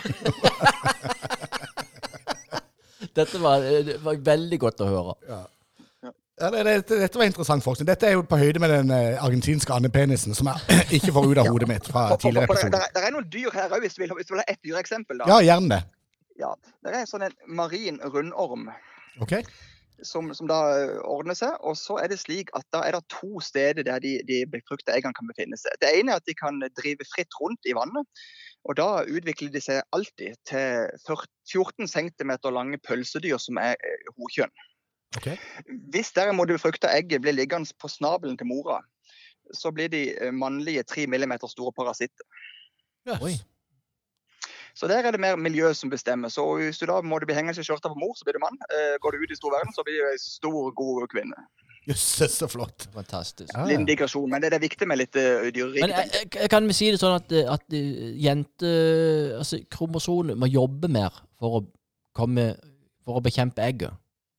Ja, man kan Men det du sa si egentlig, fordi guttene Ja. har ja, mer energi, liksom. Så vi, vi sier jo det. Bare at du blir født, er jo faktisk at du har vunnet i Lotto. Men hvis du blir født jente, så har du faktisk vunnet i eurojackpot. Da har du ingen eurojackpoten, faktisk. Det har du. Ja. Ja, himla. Så det er egentlig førstepremie, da. Jente er førstepremie. ja, jente er førstepremien, og som du sa en annen gang, så skal vi ikke gå inn på det, men du har vel hatt andre premier òg i den rekka har du ikke det? Det er jo tre, tre typer premier. Ja. Mhm. Så går vi ikke noe nærmere inn på det. Har, vi har ikke det. vi har ikke det. Nei, men dette Men var, særdeles, dette var særdeles oppklarende. Uh, og jeg føler vi kan konkludere med at uh, Loland har en viss legitimitet i forskninga si. Uh, men det gjenstår ennå noe for oss å skrive det i stein. Men et lite spørsmål på slutten. Og dine barn, Loland, kjønn og sånne ting? Eh, gutt. Gutt, ja. Riktig. Så skal ikke jeg dra det på banen, da, for jeg vil jo skryte av meg sjøl. Det gjorde du allerede når du sa at, han var, eh, ja, at hvis man var god i senga, så fikk man gutt. Og så er det et lett Google-søk, så ser man at Jon Erik har én sønn. Ja, men da er det ikke vi som har skrytt av det. Jeg fikk, jeg fikk beskjed av Lolan om å spørre det spørsmålet, så jeg vet ikke hvorfor, men eh, Nei, så han, han, hadde, han hadde tre dager i 2001 hvor han var god i senga. Det er det som er svaret Ja, ja. det er kvali kvalitet, kvantitet. Det er som du ser det. Nei, men Tusen hjertelig takk, doktor Lindland, for at du tok deg tid til oss i Skjærgårdspodden eh, nok en gang. Og vi høres garantert igjen. Bare hyggelig. Ha en fin dag. I like måte. Ha det godt, ja. ha det godt. Ha det godt, ja. Ja, se det, Loland. Da fikk vi svar på det. Vi gjorde det. Vi, eh, føler du deg tilfreds Altså, jeg føler jo at jeg bomma litt. på forskninga? Jeg skjøt litt fra hofta på forskninga, og så bomma jeg egentlig litt. Men det var allikevel gøy å høre åssen det egentlig fungerer. Men legger vi nå denne forsknings, eh, forskninga død, eller er det noe du vil fortsette? å dra denne, ut? denne blir lagt død. Nå må vi nye, ut på nye eventyr, ny forskning, andre ting som skjer. Ja. Og da tenker jeg vi skal gå rett over her. Oh yes.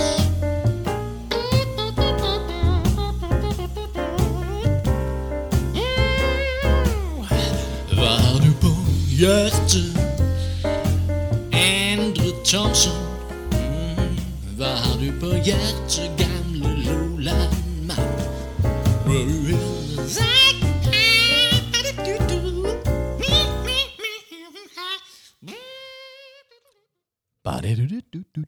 Jeg har noe på hjertet i dag, Lola. Ja, det er jeg veldig glad for. Jeg har mange ting på hjertet. Men noe som ligger meg veldig nært hjertet nå for tida, det stammer fra denne kvelden vi hadde her, hvor vi hadde besøk av alle våre nydelige episodesponsorer av Skjærgårdspodden.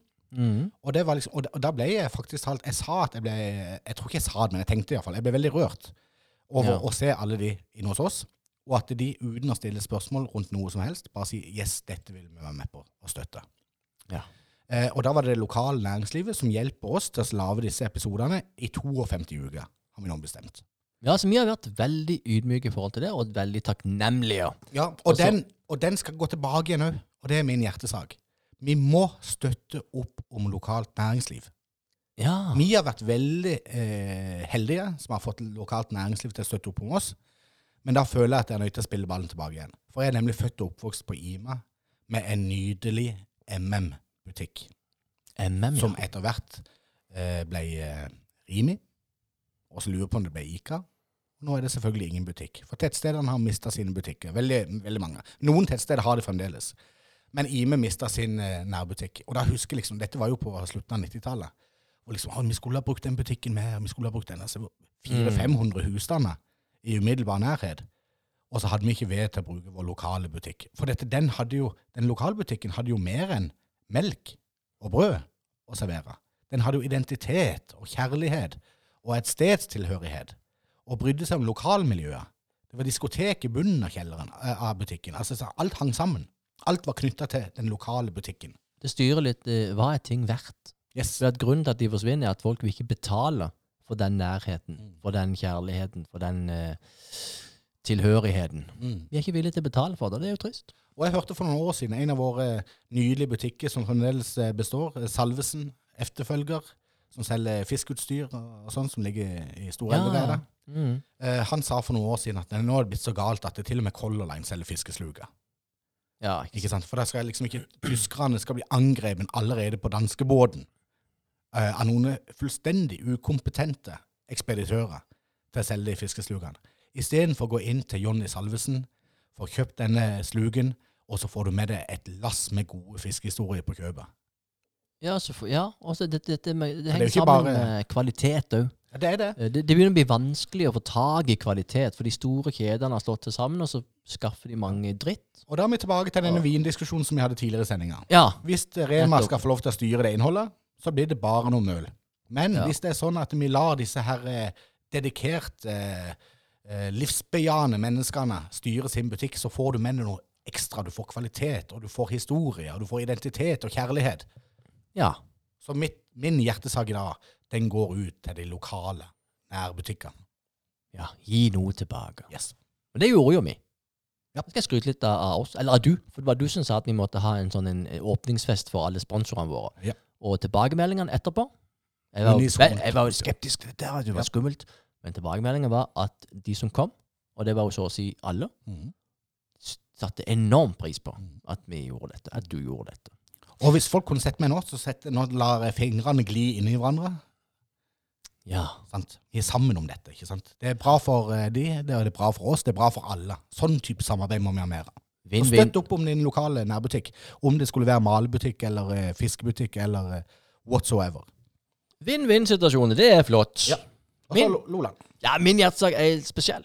Mhm. Fordi at eh, det var bare det var, det var noen som la ut noe som jeg leste. Altså. Det var engelsk, egentlig, når de le, når- men så gjorde jeg det om til norsk. Og det var jo sånn at sunn fornuft, det er ikke en gave. Nei. Det er en straff. Ja. Ja, For du er nødt til å forholde deg til andre folk som ikke har sunn fornuft. Og den er dyp. Ja. Så det Jeg forstår ikke en drit av den. Du må forklare Nei, det. for det, jeg ser på meg sjøl som en som har litt sunn fornuft. Mm. Og så er du kanskje du, Det er ikke at du ikke har sunn fornuft, mm. men du er kanskje litt uh, andre sida på skalaen. Ja. Så eh, mitt problem når jeg har sunn fornu- fornuft, er at jeg må forholde meg til det. Ja. ja. Og det er min straff. Ja. ja. Det er jo bare det jeg prøver å si. ja, ok. Ja, den er interessant. Ja, for det, det, det er jo veldig frustrerende. Veldig konfronterende, men det er veldig interessant. Når, jeg- når jeg blir helt oppgitt over at en bil parkerer på utsida her, og Mm. okkuperer to parkeringsplasser på skrå, og står der i 14 dager, og du ser ikke det som er problemet i det hele tatt. Nei. Mens de som egentlig skulle stått der, de må bare parkere en helt annen plass. Og mens jeg mener at du er helt ute på geitejorda, så mener du at ja, men du har ikke fornuft. Ja, Ikke sant? Så det er en kollisjon der. ja, da mener jeg at du er helt ute på geitejorda. Ja, ja. Så, så, så da, men du kan sikkert snu det på høyre. Eller helt ut på vidda. eh, Som jeg bare, apropos det, jeg, rektor, jeg jobba på en skole, og så var det en rektor der som hadde en svoger som sleit psykisk, og så sleit jeg psykisk. Og så kom det fra dagen liksom, hvor rektoren kalte meg Han var en veldig fin fyr. Så kalte han meg inn på kontoret sitt, liksom. Så sier han «Eh, du, Endre, han var nordlending. Jeg har jo skjønt at du sliter litt psykisk og sånn. Det er ikke noe stress, for du kan prate med meg. For jeg har en svoger som han er helt på vidda. Så introduserte jeg den samtalen sånn, og det var no- nokså deilig, egentlig. Vi er Flere i samme båt. Den var jo dyp. Så vi er- i samme båt alle sammen. Så dere som eh, Jeg kan jo ikke si dere som ikke har sunn fornuft, for folk som ikke har sunn fornuft, de vet jo ikke sjøl. Men kanskje vi som har sunn fornuft, må Strekke ut ei hånd. Ydmykt sagt. Det er bare helt skjevt, dette. Ja, men Det Da er er det en appell til alle at dere med sunn fornuft, vær nå vennlig og strekk ut ei hånd til disse mindre Dere som parkerer over to plasser, vis litt hensyn. Dere som mener at dere har sunn fornuft, Ja. gi, de, gi de litt. Ja. Ja. Du får lov å være litt ufornuftig òg.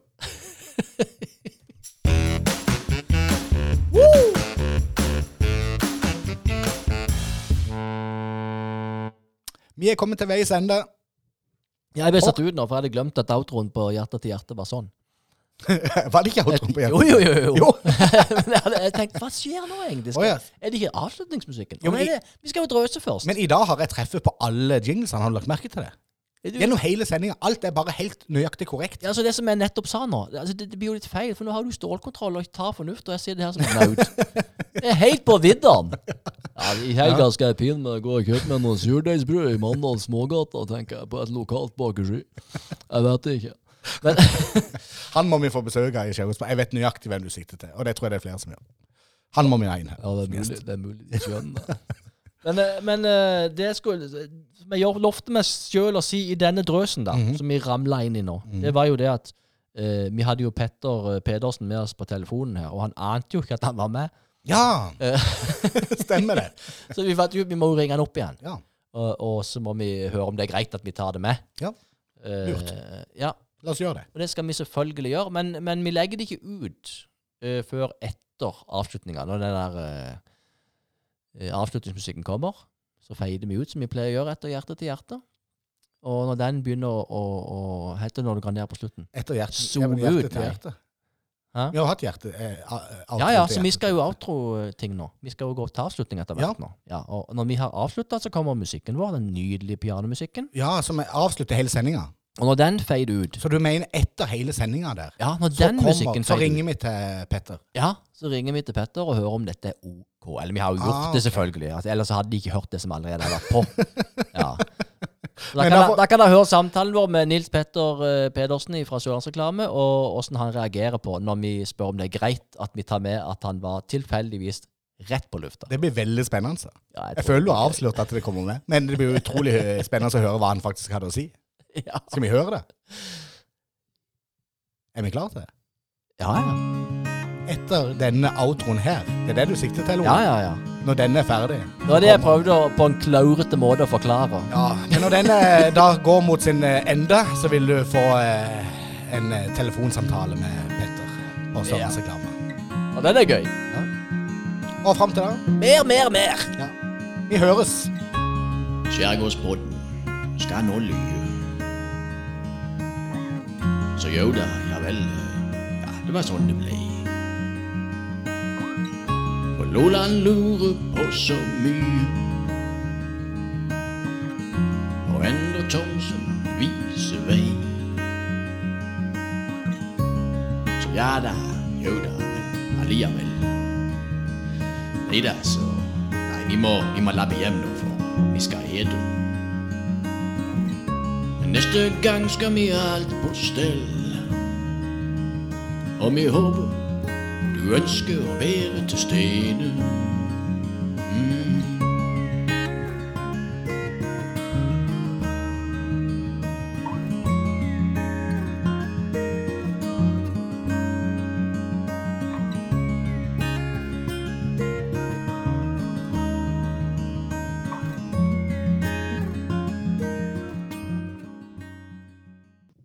Det er Petter. Ja, god dagen, Petter. Det var Endre Thomsen igjen fra Skjærgården Eh, hei, kultursenter. hei. Hei der. Er du sikker? Hvem, hvem er det fra? Hvem, hvem ringer du fra?